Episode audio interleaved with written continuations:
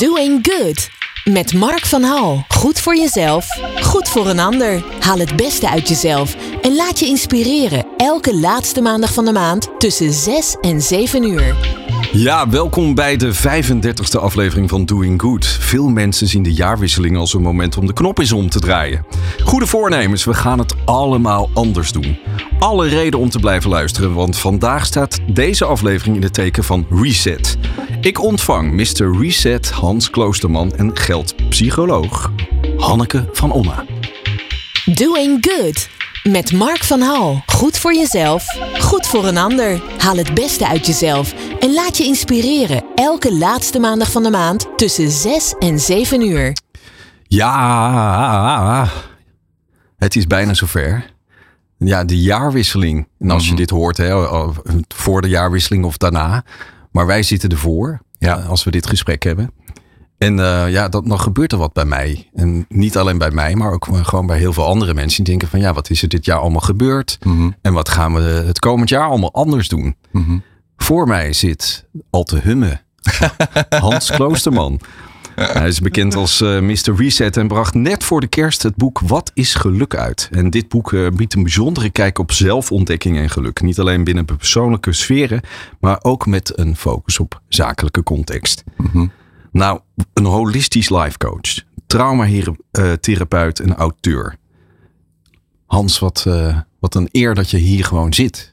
in een geheel crème witte outfit. ik dacht, ik kom verlicht. Je komt verlicht, kom je gewoon uh, te zitten op de kruk hier uh, in de studio van Doing Good. Ja. Welkom. Mm -hmm, je hebt net je boek uitgebracht. Uh, Wauw, hoe voelt dat?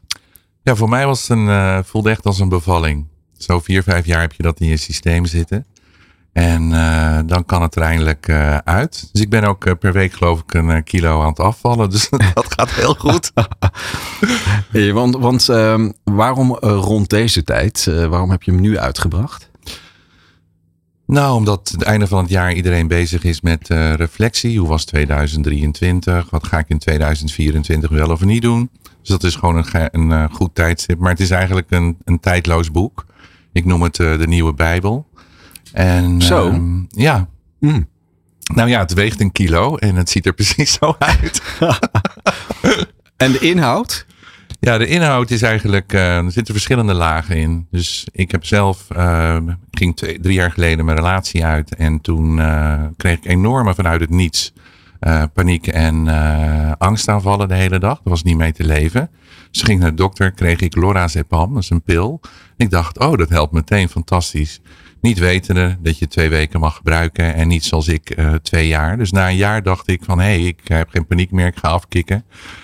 En toen bleek je eigenlijk steeds meer nodig te hebben. Griepverschijnselen, enorme moeheid, uh, tinnitus en hyperacusius. Allemaal geruis in je uh, hersenen. En dat was eigenlijk onleefbaar. Dus ik moest de hele dag al mijn eigen technieken toepassen om te overleven eigenlijk. Mindfulness, meditatie, yoga, in het bos wandelen. Anders, ja, je kon niet slapen. Het was eigenlijk een hel. En uh, toen ging ik naar mijn Tibetaanse leraar en die zei van... Uh, Hans, even ja. stoppen. Wat, wat stort je nu allemaal over, over de microfoon? Over de heen? mensen, over de mensen heen. Nou nee, ja, wat, wat Ja. jeetje. Wat, wat- je, eh, je ratelt er overheen, maar het is, lijkt me gewoon een hele heftige periode geweest. Nou, het was, ik vond het eh, vreselijk. En, Ja. en, ehm, ja. Dus toen zei mijn Tibetaanse leraar Hans, je wil niet door de diepste laag van je schaduwkant eh, heen. En toen eh, dacht ik, jeetje man, help me nou en eh, zit me niet te reflecteren. Nee. Nee. geen spiegel voor me. Maar nu kan ik het eh, zien als een, een cadeau. En ik had last van angst van tekort, angst voor afwijzing. Was ik al twintig jaar op gecoacht. En ben ik zo met heel veel begeleiding en therapie en psychologen, psychiaters, praatgroep. Ben ik van die pillen afgekomen, kliniek. En toen was ik dus in maart afgekikt van dit jaar. En toen dacht ik, nou moet dat boek eruit. En mensen uitnodigen om door hun schaduwkant te gaan. En eh, daarachter zit inderdaad liefde en licht. Maar ook vooral, eh, waar word je gelukkig van eh, door zelfonderzoek jezelf vragen te stellen. En niet continu naar de hele wereld om je heen te kijken wat die allemaal hebben. Maar wat betekent geluk voor jou? Ja. En dat kan op geestelijk en materieel vlak zijn. Ja. Nou, je begint ook je boek hè, met, eh, met eigenlijk Marianne Williamson. Ja. Is, ik zeg het weer gewoon verkeerd. Maakt helemaal niet uit. Maar, maakt helemaal niet. Ja, nee, goed. Ja, het kwam in één keer eruit. Maar um, eigenlijk onze grootste angst is niet dat we niet goed genoeg zijn. Onze angst is dat we over een grenzeloze macht beschikken. Ja. Eigenlijk uh, niet eens uh, bang zijn voor het donker, maar eigenlijk voor het licht van in jezelf. Hè? Dat is ja. wat je, waar het boek ook mee begint. En dan, um, ja, ik krijg er alweer bijna rillingen van, nou bijna, het gebeurt al. Van, mm -hmm. In 2006 heb je een bijna doodervaring meegemaakt. En dat beschrijf je nogal, ja, ja direct. Luchtig. Ja, nou, ook wel luchtig. Maar, maar je, je belandde opeens uh, door het slippen van je auto, belandde je in, de, in, de, in het water. Met 100, nee, met 120 uh, kwam ik tegen een betonnen paal door aquaplanning. Dus het Ja. stroomde uit de hemel. En dat was ook zo'n wake-up call. Hè? Je krijgt net zoals die laatste twee jaar voor mij, die heel moeilijk waren, zijn dat van die wake-up calls. Dat je niet helemaal op je levenspad zit, wat voor je uitgestippeld is door het collectieve veld. Maar inderdaad, um, ik uh, kwam met 120 tegen een paal, steeg op in een licht. En toen zei je, intuïtief herken je dat meteen. Ik was niet zo gelovig, maar daarna ben ik helemaal gelovig in uh, het collectief veld of God. Was een hele zware stem die zei, wil je hier blijven? Of wil je meteen weer terug vertrekken? Ja, en ik had net drie dagen les gehad van de Dalai Lama. En die zei, ja, geluk is trainbaar. En um, toen dacht ik, ja, dat wil ik mensen wel graag leren. Dus ik zei, nee, ik wil terug, want ik heb net Dalai Lama ontmoet. Ik wil terug. Dus dan ga je in zo'n wit licht ga je weer terug. Word, Mhm. word je wakker in dat, uh, of daal je neer in dat hele pijnlijke lichaam. De auto zat niks meer op. Geen plastic, geen glas. Ik zat nog in zo'n kooiconstructie. En werd ik uh, afgevoerd naar het uh, ziekenhuis met zo'n kraag om je nek. En de volgende dag mocht ik eruit. En toen dacht ik, mijn leven moet anders. Want ik werk zeven dagen, 18 uur per dag. Drie huizen, een Porsche, een Ferrari, drie fietsen, drie brievenbussen, uh, drie plekken. Uh, dus ja, heel druk. Klinkt ook als uh, overvloedig. Zoals je het zegt. Maar ja, ook als leeg. overvloedig. Ja. Ja. Maar ik had toch een grote ontevredenheid. En ook een stukje hebberigheid naar meer. Wat, vaak, wat je vaak hebt als je te veel hebt. Mm -hmm. En dus die, die Dalai Lama had me enorm uh, getriggerd. En uh, ook omdat ik gewoon echt gelukkig wilde zijn. En me gelukkig wilde voelen. En um, dus vandaar dat ik een directeur van mijn bedrijf heb uh, gezocht. Dat was een werving- en selectiebureau in, met drie kantoren. En ben ik naar Tibet en Nepal vertrokken. En ja, doe ik nu twintig jaar boeddhisme beoefenen. En, en ik ben net boeddhist af. Maar het was heel erg leerzaam om te beseffen wat volgens het boeddhisme of volgens Boeddhisme gaat over de essentie van mens zijn. Daar gaat het boek ook over wat is geluk. Dus 24 jaar onderzoek over wat geluk is. En um, nou, er zitten hele leuke conclusies in voor mensen. Maar vooral ook om het zichzelf af te vragen. Want iedereen heeft toch een beetje zijn, ook zijn eigen definitie. Vraag ik aan iemand met een moslimreligie. Dan zeggen ze als eerste voor geluk is geloof. Mm -hmm. uh, voor mij is het ook zeker uh, geloof in God. Maar bij mij komt toch één op gezondheid nu ik twee jaar zo heb lopen vechten met mijn geestelijke en lichamelijke gezondheid. Dus zo heeft iedereen zo zijn, uh, zijn rijtje. Iedereen heeft zijn rijtje. En uh, jij hebt ook een nummer uitgekozen hè, van Jackie Evancho. Mm -hmm. Kun je vertellen waarom dat uh, stuk muziek voor jou belangrijk is? Nou, dat heeft meer te maken met um, dat ik natuurlijk ook trainingen geef en uh, systemisch werk uh, doe. En ja, allerlei technieken om de trauma uit de geest te halen. Mijn bedrijf heet Trauma Release. En dan af en toe zie je de energie gewoon wat wegzakken. En dan zet ik die op. En dan uh, gaan we even dansend met elkaar door de zaal heen. En nou, dan, dan, heb je weer voldoende energie om je pijn of wat dan ook op te stellen. Doing good. Met Mark van Hal. Goed voor jezelf, goed voor een ander. Haal het beste uit jezelf en laat je inspireren. Elke laatste maandag van de maand tussen 6 en 7 uur. Er was even wat uh, misverstand. Uh, het, we hadden het over de muziek. En anders ja. jij dacht dat we uit een, ons dak gingen. Maar dit, dit was het andere nummer. Ja, ik verwachtte een disco nummer waar ik eigenlijk dan iedereen energie mee geef. Maar dit is eigenlijk de eindontspanning van een uh, yoga nidra. Dan zet ik meestal deze op. Ja, ja. stijg je zo lekker Nou, op. we hebben wel even gedanst natuurlijk. Maar ja, op een tuurlijk. andere manier. maar ehm, wat, ik, wat ik eigenlijk uh, zei je ook uh, toen, toen je de eerste klank hoorde van het nummer. Zei je van nou dit is eigenlijk meer muziek om uh, na, mee naar de hemel te gaan. Ja. En gelukkig ben jij ook weer teruggekomen trouwens. Zeker. Maar dit is wel hemelse muziek. Ja, prachtig. Dankjewel. Nou, ja, hij refereert ermee. Als je daar boven bent, dan voel je alleen maar liefde en 100% vergeving. Dus kan iedereen vertellen, er is geen hel. Nee. Er is ook geen duivel. Dat is bedacht op, voor een dualistische wereld zoals leerplaneet aarde is. Waarbij we dan angst en liefde hebben. Mm -hmm. Of uh, pijn en plezier, al die dualiteiten. En uh, dus dus ook beseffen dat dat een heel uh, spel is tussen twee dualiteiten. Maar dat het daarboven gewoon een eenheid van liefde is. Ja. Dus iedereen die overlijdt, komt in de liefde. Het is wel heel mooi dat je dat ook uh, zegt. Uh, ja, geen schuld en schaamte in het systeem. Kijk, ik, ik heb op het moment dat jij het dus vertelt over een bijna doodervaring, kan ik er overheen stappen. Alsof het een soort van, ik ben vandaag naar de supermarkt geweest. maar dat is natuurlijk... Nou, laten we dat eens doen. Nee, maar ja, maar, ja en ik wil je er ook niet uh, ik, het, te veel weer naar terugbrengen. Maar mm -hmm. uh, een bijna doodervaring, uh, en Pim van Lommel heeft daar natuurlijk een heel mooi boek over geschreven. Mm -hmm. Maar er zijn heel veel mensen, met name bijvoorbeeld die in een, zeg maar een hartoperatie hebben gehad. Die, maar jij ook met een, met een stevig ongeluk, die ja. bijna doodervaring hebben gehad. Ja. En uh, er wordt dan uh, soms overheen gestapt van ja, dat is een uh, chemisch proces in je lijf, bla bla bla. Maar dan vertel jij dit en, en, vertel je ook dat, dat er eigenlijk geen hel is. Nee. Heerlijk lijkt me dat voor heel veel mensen in de wereld mm -hmm. om dit te horen. Want het geloof in de hemel en het geloof in de hel, uh, dat is eigenlijk hetzelfde als liefde en angst, hè, waar je het ook ja. in je boek over hebt. Ja, en uh, pijn en plezier. En dat, dat hoort echt om helemaal te doorleven op leerplaneet uh, aarde. Ja. En zodra je, zodra je je vorm verliest, is helemaal die dualiteit er niet meer. Dus dat is wel interessant. Het zal een hoop luisteraars rust geven. Het zal ook een hoop mensen lichtelijk irriteren die daarin geloven. Maar vanuit ervaring, en daarna ook heel veel boeken gelezen over bijna doodervaringen, krijgt driekwart die vraag. Nou, dan is het geen toeval meer. Bijna iedereen krijgt die vraag: wil je hier blijven of wil je weer terug vertrekken? Dus je ga je reïncarneren of niet? Ja, je zegt leerplaneet aarde. Hè? uh, als je dan uh, hier op de leerplaneet... een bepaalde taal, ja. Ja, nee, maar het is... Maar leerplaneet aarde, als dit nou een leerplaneet is, hè, wat, mm -hmm. uh, wat ja, dat, dat liefde en angst, de pijn, pijn en plezier, dat heeft ons blijkbaar iets te leren allemaal. Absoluut. Ja. Kijk, de beweging van de geest, hè, dat, dat is zo mooi. We weten heel veel over het lichaam, de anatomie, hoe je dat moet opereren. Maar mensen tasten helemaal in duister over hoe opereer je de geest. En uh, die is eigenlijk net zo te opereren als een uh, chirurg doet. Maar daar heb je wel ja, 6, 12, in mijn geval 24 jaar voor nodig.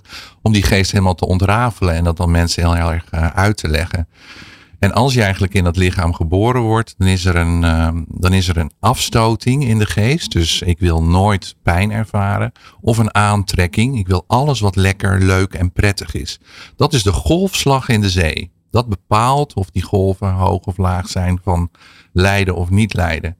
En de uitnodiging is om niet alleen maar naar prettig te gaan, maar ook juist door onprettig, de Boeddha zegt door de modder heen, de lotus worden.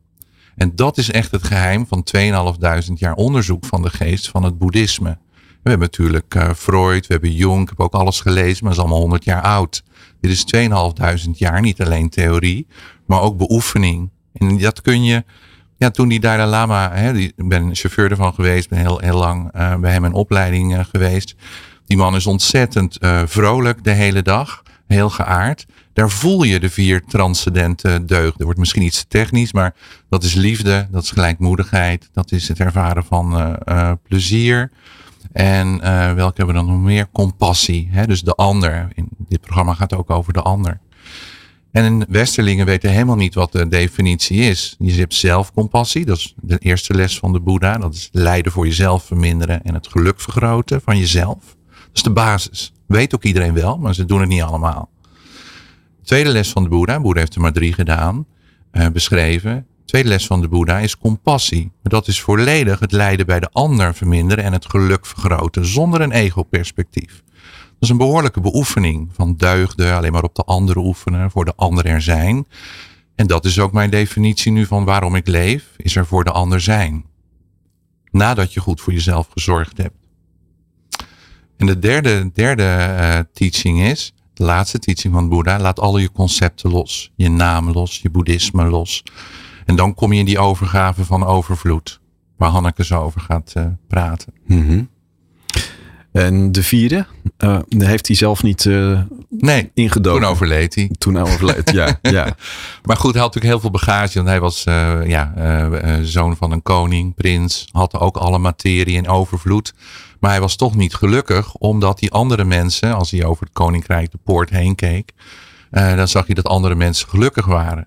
Dus je kunt wel in les 1 of de eerste teaching heel verlicht worden en bevrijd. Hè? Dat je nou, nu heb ik alles bereikt, zit helemaal in de liefde. Maar daarna komt het delen met de ander. Hoe kun je dan verlicht en bevrijd zijn als de hele wereld nog duaal is en leidt? Dan ga je het, het lijden van de ander aantrekken.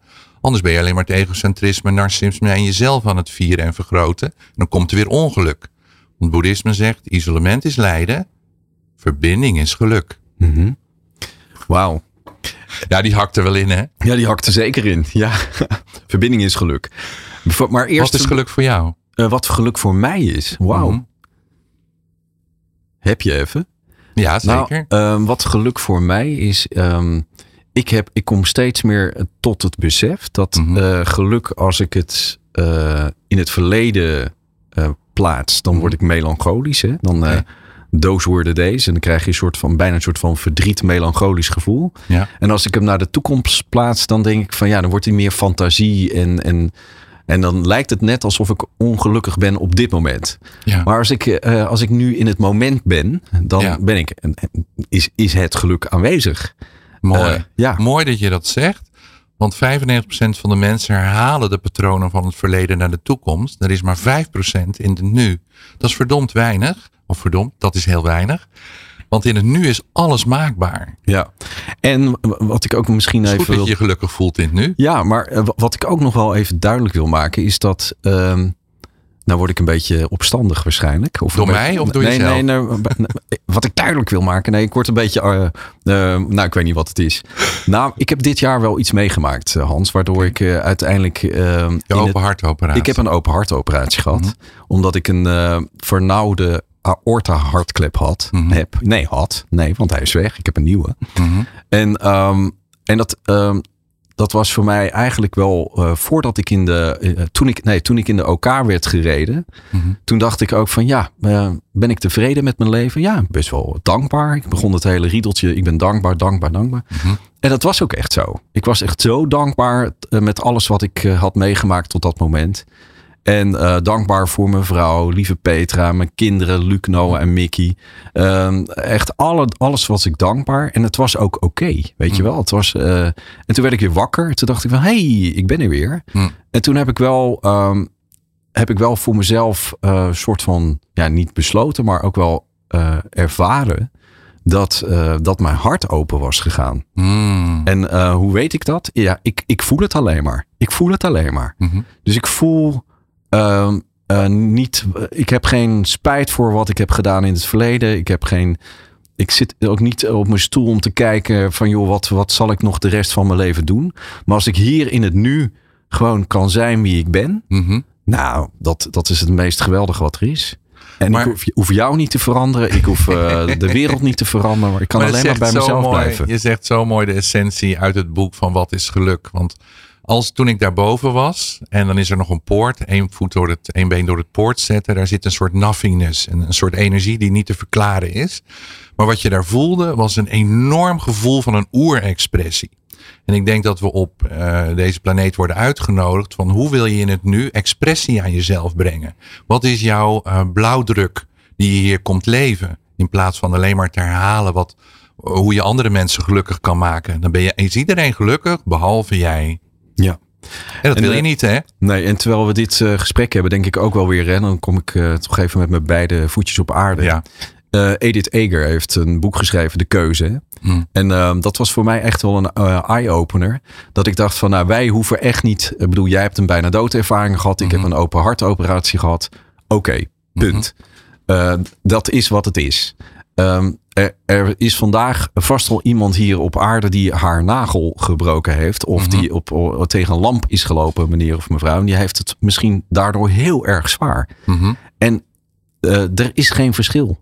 Er is uh, de, de nagel die gebroken is, uh, of de ellende vanwege een lamp of een bijna doodervaring. Mm -hmm. Het is de keuze die je hebt, hoe je daarmee omgaat. Mm -hmm. En de keuze die je hebt om uh, gelukkig te worden of niet, dat, dat, dat ligt bij jezelf. Je bent je eigen verantwoordelijkheid. Ja. En dan vind ik het mooi dat jij een boek hebt geschreven hè, mm -hmm. over geluk, maar je ook echt perspectief geeft. Hè? Je geeft ook een handelingsperspectief. Zeker, ja. Ja, en wat bedoel je eigenlijk met een handeling? Zeg wel ja, maar wat bedoel je eigenlijk met een handelingsperspectief? Nou ja, ik bedoel, waarom zouden ze jouw boek uh, aanschaffen en lezen? Ik denk omdat mensen een pad willen gaan volgen waar ze nog niet van weten hoe dat pad uh, eruit ziet. En wat, wat, de eerste stapjes zijn op dat uh, pad. Ja, voor mij zit natuurlijk 24 jaar, of ik word nu 60 volgende week, zit er heel veel levenservaring in. Iedereen heeft levenservaring. Maar hoe, uh, hoe krijg je dat uh, chronologisch goed in een boek, zodat je je levenspad eigenlijk goed in beeld brengt met heel veel oefeningen. En je aan het eind eigenlijk een moodboard maakt, privé en zakelijk, waar je wilt staan. Om te leven vanuit overvloed, liefde, in verbinding met jezelf en de ander is dan de doelstelling. En, um, want naar mijn idee is leven maakbaar vanuit het, uh, vanuit het nu. Dus dat hele bewust bekwaam, dat je steeds bewuster wordt en je onwetendheid vermindert en je wetendheid vergrotert. Ja, het zijn nogal wat woorden, maar dat is mijn boeddhistische opleiding. Die geeft aan alles in de geest een naam en een definitie. Dat is leuk om te kennen, want het lichaam heeft ook een definitie, alle organen, noem maar op. Dus als je dat samenspel van lichaam en geest begrijpt, dan is een, als je dit boek gelezen hebt, ben je daarna behoorlijk uh, bevrijd. Met systemisch werk erin, met uh, nee, allerlei traumatechnieken die worden aangeraden. En, uh, en je kunt, het is natuurlijk een zelftransformatieboek van, van dualiteit naar eenheid. Maar ik nodig ook zeker mensen uit om externe hulp te zoeken van psychologen, therapeuten, coaches. Want sommige, je hebt soms zoveel uh, blinde vlekken en ook sabotagesystemen waar je helemaal geen inzicht in hebt. En dan kom je gewoon door de lagen van het bewustzijn, lagen van de ui, kom je gewoon niet heen. Dus soms is externe hulp ook eigenliefde. Mm -hmm. Maar je komt uh, een end op weg als je, als je het boek leest, ja, toch? natuurlijk zit 24 jaar studie in. Ja, natuurlijk kom je heel end. Uh, dat zou raar zijn. Ja. Maar het leuke vind ik, het vorige boek, tien jaar geleden, van Snop tot Monnik, dat was heel erg vanuit mijn ik nog geschreven. En door alle tegenslagen en zo is het, ja, besef ik dat ik er ben. Door de steun van mijn ouders, mijn vrienden, ben ik heel erg wij geworden. En vandaar dat het boek ook een co-productie is van een fantastische kunstenares. Het is heel mooi vormgegeven. Het zijn maar drie delen. Het derde deel is uh, alleen maar Facebook posts van anderen die me enorm overrend hebben gehouden de laatste drie jaar. Die me geïnspireerd hebben. Ik kan ook toestemming aan moeten vragen. Er zit toch het meeste werk. Iedereen zijn werk gebruiken en er toestemming voor uh, vragen belangrijke gedeeltes over de behoeftes van een kind en de behoeftes van een mens. Want heel veel systemisch werk doe ik, maar dan komt ellende of uit de jeugd of vanuit voorouders. Dus al dat soort dingen worden uitgelegd, waardoor je steeds meer je systeem, je lichaam en geest begrijpt. En uh, ja, daar ik zeker een roeping in voor de komende 30 jaar om dat boek te verspreiden. Ik ga niks anders doen dan dat. En dat verspreiden, je noemde uh, eerder. Deze... Nou, ik zit hier toch bij jou. Ja, ja precies. het maar, nieuws te verspreiden, ik lijkt wel een dominee. Ja, ja nee, nou goed. Uh, wat is daar mis mee? Hè? Uh, nee, maar niet geen kloosterman, hè? Ja. Geen kloosterman, ja. dus ik doe mijn naam eer aan. Ja, ja precies. en, um, en iets met Hans heeft ook te maken misschien met die vinger in de dijk. Bedoel, die vinger in de dijk, wat je? dat verhaal niet, Hansje? Nee. Nou ja, er was dus zo'n Hans die zeg maar een hele overstroming heeft voorkomen door een vinger in de dijk te steken. Toch? nou, ik hoop dat ik deze vinger in de geest van mensen kan steken, waardoor ze veel meer inzicht krijgen en dat geluk dat je er echt voor kan kiezen. Dat raakte maar wat je net zei. Geluk is echt een keuze. Ga je kiezen tussen angst, waar je, wat allemaal remmingen zijn, zowel denken als emoties, als er blokkades in je lichaam.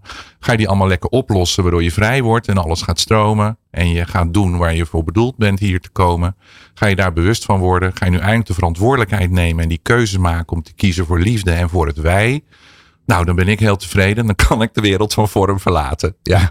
Nou, nog even niet. Je had net 30 jaar uh, geroepen.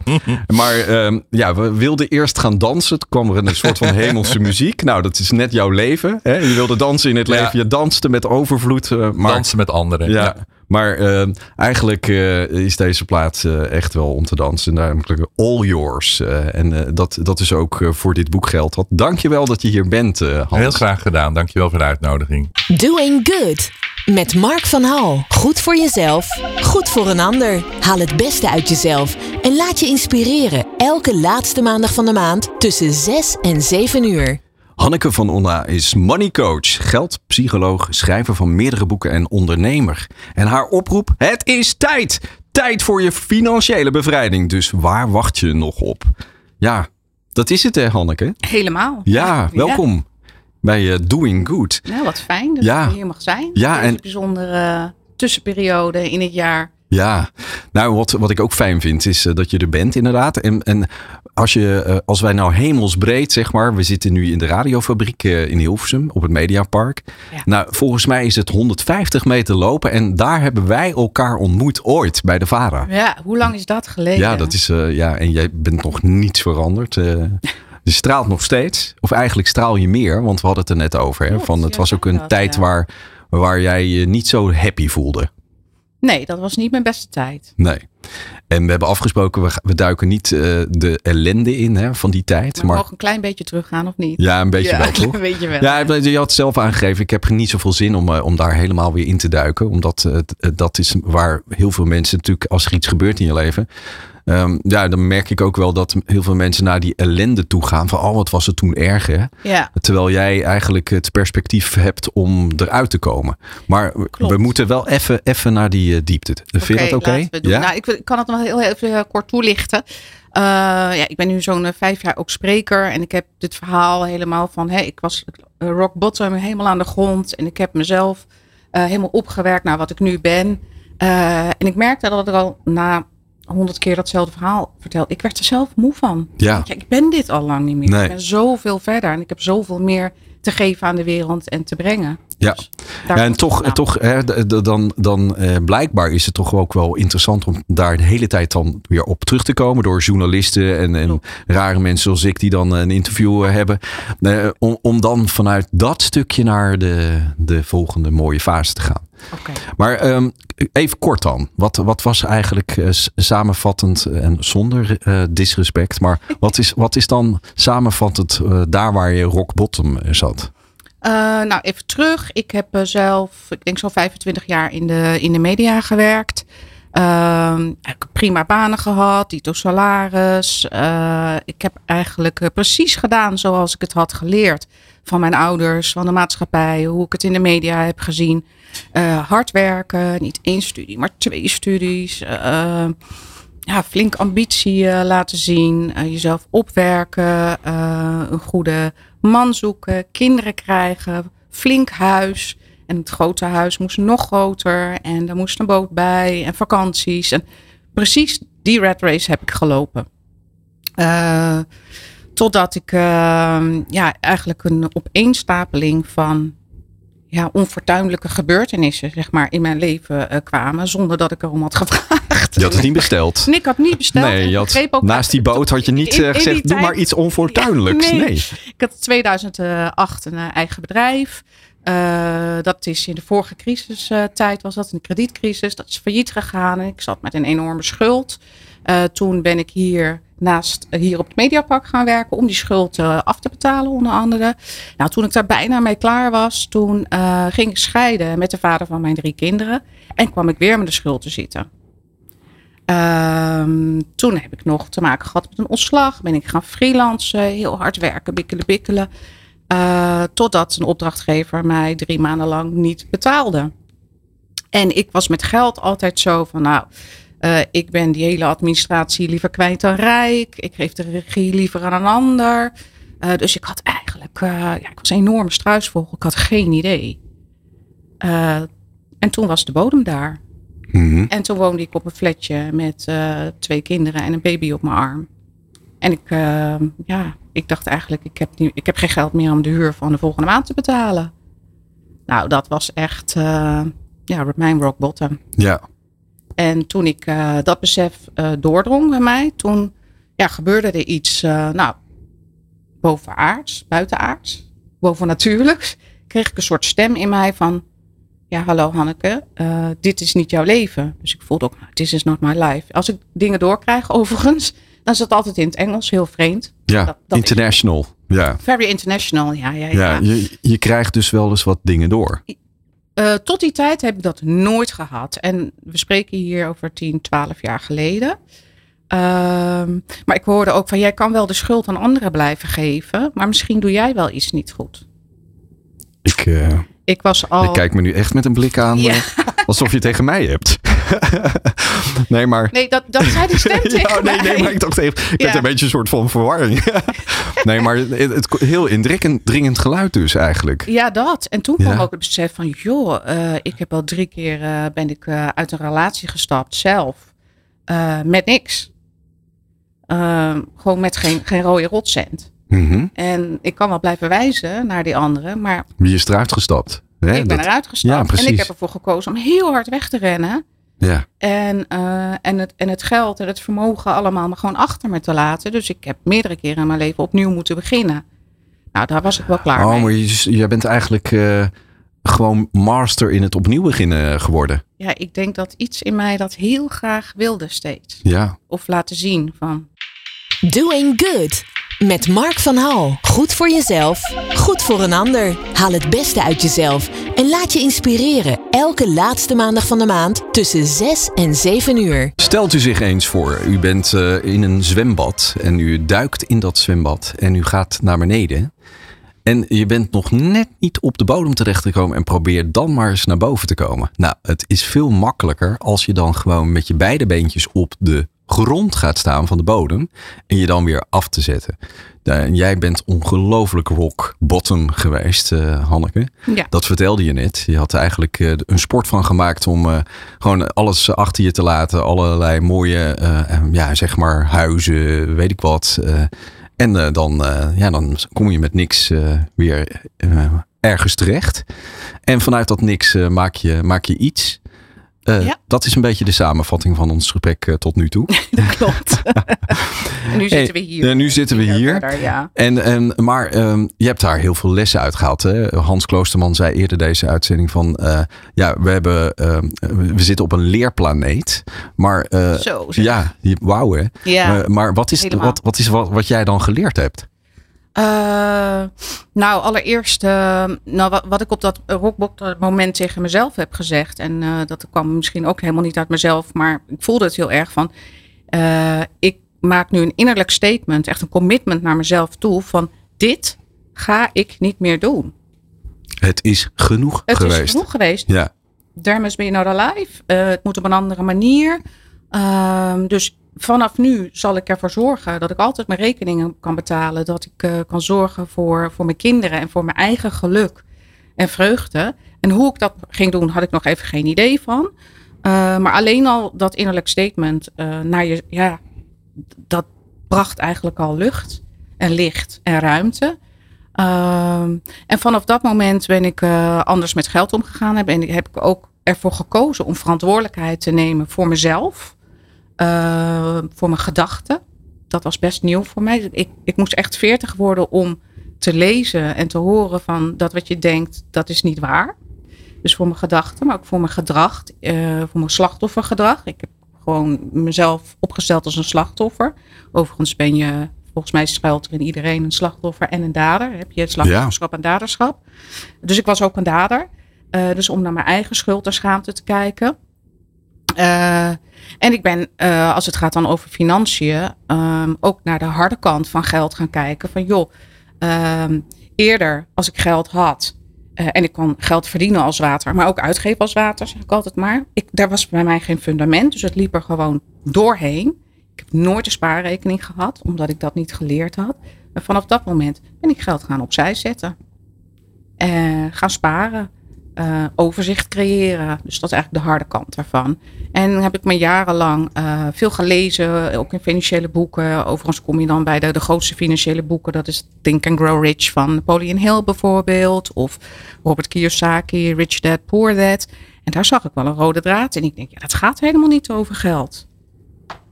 Waar ging het dan over? Dat gaat, Waar gaat het dan hoe over? je voelt ja, over geld. Ja, ja. Je, zit er, je hebt van die grote ogen op. Van uh, ja, waar gaat het dan wel over? Ja, ja ik zeg altijd maar, uh, maar zo van... Uh, ja, de sleutel naar rijkdom is niet wat je wel of niet doet met geld. Ook niet hoe je denkt over geld. We horen natuurlijk heel veel over mindset. maar volledig hoe je je voelt. Mm -hmm. Dus wat is jouw relatie met geld? En die relatie met geld dat leer je bijvoorbeeld in je vroege, vroege jeugd. bij je ouders thuis of bij je opvoeders thuis. En jouw ouders hebben dat ook weer geleerd van hun ouders. En zo kan het generaties teruggaan. Ja, mooi dat je dat zegt. ik had een paar verschillende beelden, zeg maar. Mijn ouders hadden, ja, ja want hoe, die hadden het op zich Ehm, ja, niet breed, zeg maar. Wij hadden maar we hadden altijd gewoon te eten en, en kleding enzovoort. Maar vooral het eten was uh, een heel belangrijk iets. Hè? Als het maar uh, genoeg eten op tafel kwam. Mhm. En uh, als ik nou over geld denk, dan had ik wel... elke maandag kwam de Donald Duck kwam, bij ons thuis. En daar was die Dagobert, die zwom in het geld. En dat vond ik zo leuk. Ja, superleuk. Maar was Dagobert gelukkig? Nee, die was nooit gelukkig. Nee. dus dat was ook het, het idee natuurlijk. Van ja, je kan ontzettend veel dollarbiljetjes hebben. En ja. daar gewoon in zwemmen. Ja. Maar uiteindelijk eh, was, hij, was eh, de Donald Duck was, eh, was natuurlijk de, Donald was gelukkiger. Dus mijn beeld van geld was eigenlijk, ja, ja, ik weet het eigenlijk niet.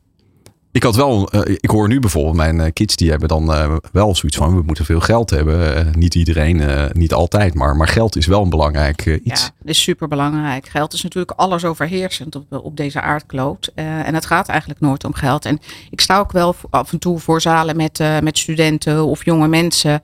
En nou, dan kom ik en dan zeg ik, oh, gaat over geld nou lekker. En dan vraag ik nou, wat, dan, wat wil je dan? Ja, ja precies, lekkere dikke knaken doekoes.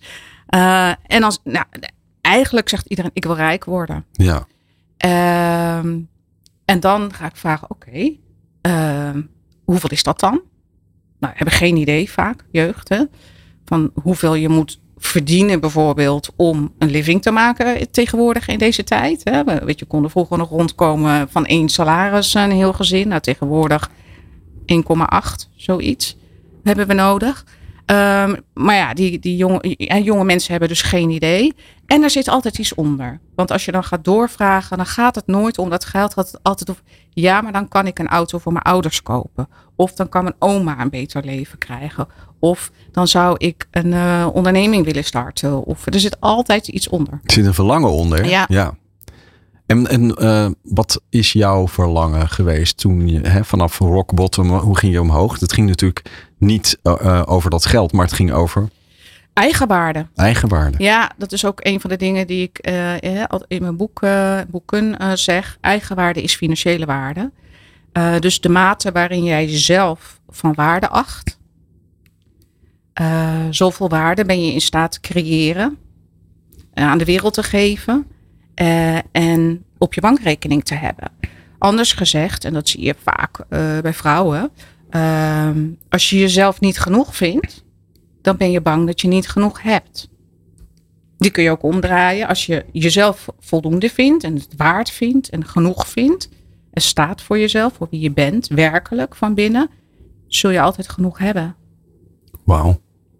Dus eigenwaarde is financiële waarde. Ja. Ik zie Hans, uh, Hans is ook uh, natuurlijk aangesloten bij dit gesprek. Hans Kloosterman. Nou, ik ben geraakt omdat mijn diepste level hè, achter angst voor tekort en angst voor afwijzing, daar zat niet goed genoeg zijn en niet waardevol voelen. Ik voelde me ook maar, vroeg me ook af, waarom stroomt alles zo door me heen? Waarom heb ik niet genoeg? En sinds ik daar de laatste twee jaar aan gewerkt heb, uh, ja, maak ik nu andere keuzes. Ja. En uh, voel ik me waardevol. En um, ja, staat er geld op de bank? Heb ik net een hele mooie sportwagen gekocht. Um, hè, dus de, de, de, keuzes worden heel anders. Ja, ik zeg ook, ook um, ik vind het, we hadden het al over Engels. Ik vind het soms in het Nederlands uh, moeilijk. Zal ik zo ook iets over zeggen. Uh, abundance is a state of being, hm. not a state of having. Uh, en daar gaat het wel een beetje mis in, in onze samenleving. en iets anders. Um, eh, Hans eh, haalde het ook al eh, eerder aan. schuld en schaamte. als we het over geld hebben, dan hebben we het over emotie. Geld is emotie. Je kan je enorm schamen als je te weinig hebt. Maar je kan je ook heel schuldig voelen als je te veel hebt. Of als je veel hebt. En als we het dan even hebben over taal. En dan weer over, als ik voor een zaal met jonge mensen sta. Nou, jonge mensen tegenwoordig, die hebben allemaal een schuld. Studieschuld, duo. En dat is niet weinig geld. Maar wij hebben in Nederland maar één woord voor schuld. In, uh, in het Engels heb je bijvoorbeeld debt, uh, wat dan echt financiële schuld is, of guilt. Dus schuld is letterlijk boetedoening. Ja, maar dat, dat, dat zijn we ook, uh, zeg maar, enorm veel generaties mee opgevoed natuurlijk. Dat, nou, je moet wat geld betalen en dan uh, kom je misschien in de hemel. Laten we eerlijk zijn. Het, ja. het, het, het ook een beetje een soort van aflaten. Aflaten aan ja. de kerk, ja. ja. Dus nou, dan even een stap waar ik nu ben. Ik ben nu inmiddels geldpsycholoog. Dat, zo heb ik mezelf genoemd. Dat bestaat verder helemaal niet. En vind ik dan eigenlijk wel weer... Leuk, toch? Wel weer geinig, omdat ik mensen help. mensen, maar ook bedrijven, families... Um, met uh, de psyche. Als wij over geld hebben, dan hebben we het over de harde kant van geld. Uh, ik betaal jou, jij betaalt mij, is transactioneel, is, uh, ja, is een abstract ding. Uh, we hebben mensen die werken bij banken, in de financiële wereld. Dan gaat het over data, over spreadsheets, formules, allemaal linker hersenhelft. Terwijl beslissingen over geld altijd gemaakt worden op basis van je on- of onderbewuste. Ja. En dat is 90% van wat ons allemaal drijft. Het gaat niet over dat hele rationele, maar het gaat over het gevoel en de emotie. dat is het allerbelangrijkste. Het, het, gaat over de overtuiging. Het zijn, hè, ik, met mijn klanten doorloop ik uh, de mentale laag bijvoorbeeld. Dat zijn de overtuigingen die je hebt over geld. Weet je, als je zegt, uh, hè, je hebt het net over de kerk bijvoorbeeld. Nou, uh, ik, ik, spreek mensen die van de Bijbelbelt komen. Die zeggen, ja, geld is een afgod. Als je dat als kind hoort, hoe moet je in vredesnaam geld uh, gaan zien als iets fijns of als iets moois? Ja. Dat, dat gaat bijna niet meer. Dus dat is een overtuiging die heel zwaar is. Of geld maakt niet gelukkig. Of geld groeit niet aan de boom. Of mensen met geld zijn ordinair. Of noem het maar op. Wat geld, eh, er zitten, ja, laten we eerlijk zijn. Uh, we hebben niet zoveel contant geld meer. Maar nee. dat, daar zit altijd een soort van bacterie aan, toch? Als er heel veel mensen dat geld in hun handen, er zit er wat aan. En dat idee van, altijd, er kleeft ja. altijd iets ja, aan geld op dit moment. Geld. Ja, ook aan virtueel geld, zeker. Virtueel geld, ja. ja. Dus dat zijn mentale processen, maar ook emotionele processen. Dus ik heb ook met transgenerationele uh, conditioneringen die in jou kunnen zitten. Nou, dat zal ik vertalen. Dat gaat erom dat er in jouw familiesysteem uh, financieel trauma zit. Uh, en dan kun je zeggen, ja, dat heb ik misschien niet, of dat voel je niet, dat kan. Maar dat hebben wij allemaal. Want ja. onze ouders of onze grootouders hebben allemaal oorlog meegemaakt. En armoede. Armoede, ja. oorlog, uh, we hebben natuurlijk nog de, hè, de overheersing van de kerk, de onderdrukking van de mensen door kerk. Oh, ik voel allemaal ellende. Dit. Ja, heel ja. veel ellende. Ja. Maar dat zit dus allemaal in ons ieder systeem. familielijn. En bijvoorbeeld angst voor verlies vanuit de oorlog, dat hebben wij allemaal. Ja. Ja, dat hele systemische veld, dat is sowieso een ontzettend interessant uh, gesprek om nog eens te voeren. Uh, en ja. ik denk dat het ook belangrijk is om uh, nu toch ook wat perspectief te bieden, Hanneke. Want we gaan zo meteen die jaarwisseling in. Ja. En wij zitten hier gewoon, zeg maar, te praten over ja, alle, alles wat geld betreft. Ja. Maar jij geeft mensen ook perspectief voor de toekomst natuurlijk. Dat is meestal met perspectief. Maar um, wat, wat is het perspectief? Wat is de les? Wat, wat, wat kunnen we leren? Ja, de les is dat, dat geld aantrekken, hebben van geld, maar ook het behouden van geld. Want als jij, uh, als je gevoel over geld en je emotie rondom geld, uh, zoals in mijn geval bijvoorbeeld schizofreen was, kan geld verdienen en uitgeven, als dat, dan loopt het, hè, dan is je fundament niet goed. Dan loopt het, zijpelt het er als het ware gewoon doorheen. Um, ik heb een, uh, heb een mentorship, dat heet Psyche en Pegels. Dat gaat allemaal over, wil je pegels hebben of aantrekken? Dan zul je naar binnen moeten gaan. Dus het is money from within. Wealth from within. Uh, en dat is uh, de omgekeerde wereld zoals wij het hebben geleerd. Want uh, ja, wat wij hebben geleerd is consumentisme, materialisme, kapitalisme. Ik zie mensen om me heen die gaan shoppen als hobby. Shoppen is een hobby geworden. leuk, we gaan een dagje shoppen. Uh, ja, daarvan denk ik wel, dat kan anders. Dat kan anders. Daar word je helemaal niet gelukkig van. Nee, dus, dat is korte termijn heb ik uh, begrepen. Dan heb je een dag. bevrediging, ja, maar ja, daarna precies. voel je je nog slechter, want je bent je geld kwijt en dat kledingstuk doe je helemaal niet aan. Nee. Nou, dat is, dat is mooi om te horen, maar dat vinden de winkeliers vast niet uh, heel erg leuk om dit uh, geluid. Nee, even alle gekheid ja, op een stokje. Die hebben het niet slecht in deze nee, tijd, nee, lijkt precies. Me. Nou, patronen zijn niet zomaar te veranderen. Dus nee. dat uh, duurt een hele tijd hier dat je een patroon verandert. Ja. Zo verankerd in een geest een, en lichaam. Een universeel patroon, ja. Oké, okay, Hanneke. We gaan 2024 in. Of als je luistert, zit je er misschien met beide benen al in. Um, het perspectief is eigenlijk dat je van, vanuit van binnen naar buiten moet, moet ervaren in leven. En dat is volgens mij ook ehm, ja, niet altijd even makkelijk hè, als er zoveel om je heen wordt getetterd en afleiding is. Wat, wat is voor jou het perspectief voor 2024? Voor mijzelf. Voor jijzelf, ja? Uh, nou, waar ik uh, in het begin, eh, toen ik begon als money coach, geldpsycholoog, mensen helpen met de mentale kant van, van geld en geld hebben, kwamen er heel veel vrouwen op mij af. maar ik heb me opengesteld voor ook mannen. Ja. Dus er komen steeds meer mannen en ondernemers, ook mannelijke ondernemers op me af, maar ook steeds meer bedrijven. Ehm, dus ik wil meer naar die kant. in ieder geval, daar sta ik voor open. Want geld zelf uh, geld is energie. Uh, jij bent zelf energie. Dus jij bent zelf geld. Geld ben jij. Um, maar dat geldt ook voor het geld in bedrijven. Geld heeft zelf bewustzijn. Dus er is in bedrijven een financieel bewustzijn. Familiebedrijven een heel zwaar uh, financieel bewustzijn. Um, en daar wil ik uh, heel graag. Ik wil eigenlijk het liefst de zachte kant van geld dus niet de harde knaken, maar de zachte kant van geld. Dus geld is ook liefde. Omarm geld, hou van geld en geef het een mooie bestemming. Um, wil ik binnen het bedrijfsleven, uh, bij particulieren, bij families, bij organisaties, het maakt eigenlijk niet uit. Um, dit geluid wil ik laten horen en wil ik laten zien. En ik zou heel graag willen dat bijvoorbeeld financial professionals, die heel erg linker hersenhelft getraind zijn en heel erg op de harde cijfers en de knaken gaan, uh, ja, willen laten zien dat er ook een andere kant is. Ja, en ik hoorde ook, je hebt uh, eerder uh, verteld dat je een stem hoorde toen jij rock bottom was.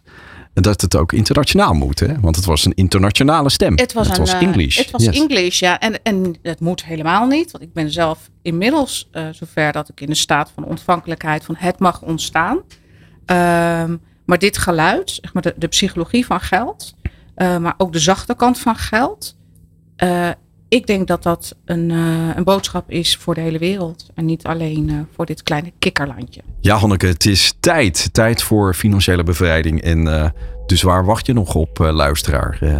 met, met de boeken van, van Hanneke, maar ook, je geeft ook regelmatig masterclasses, hè?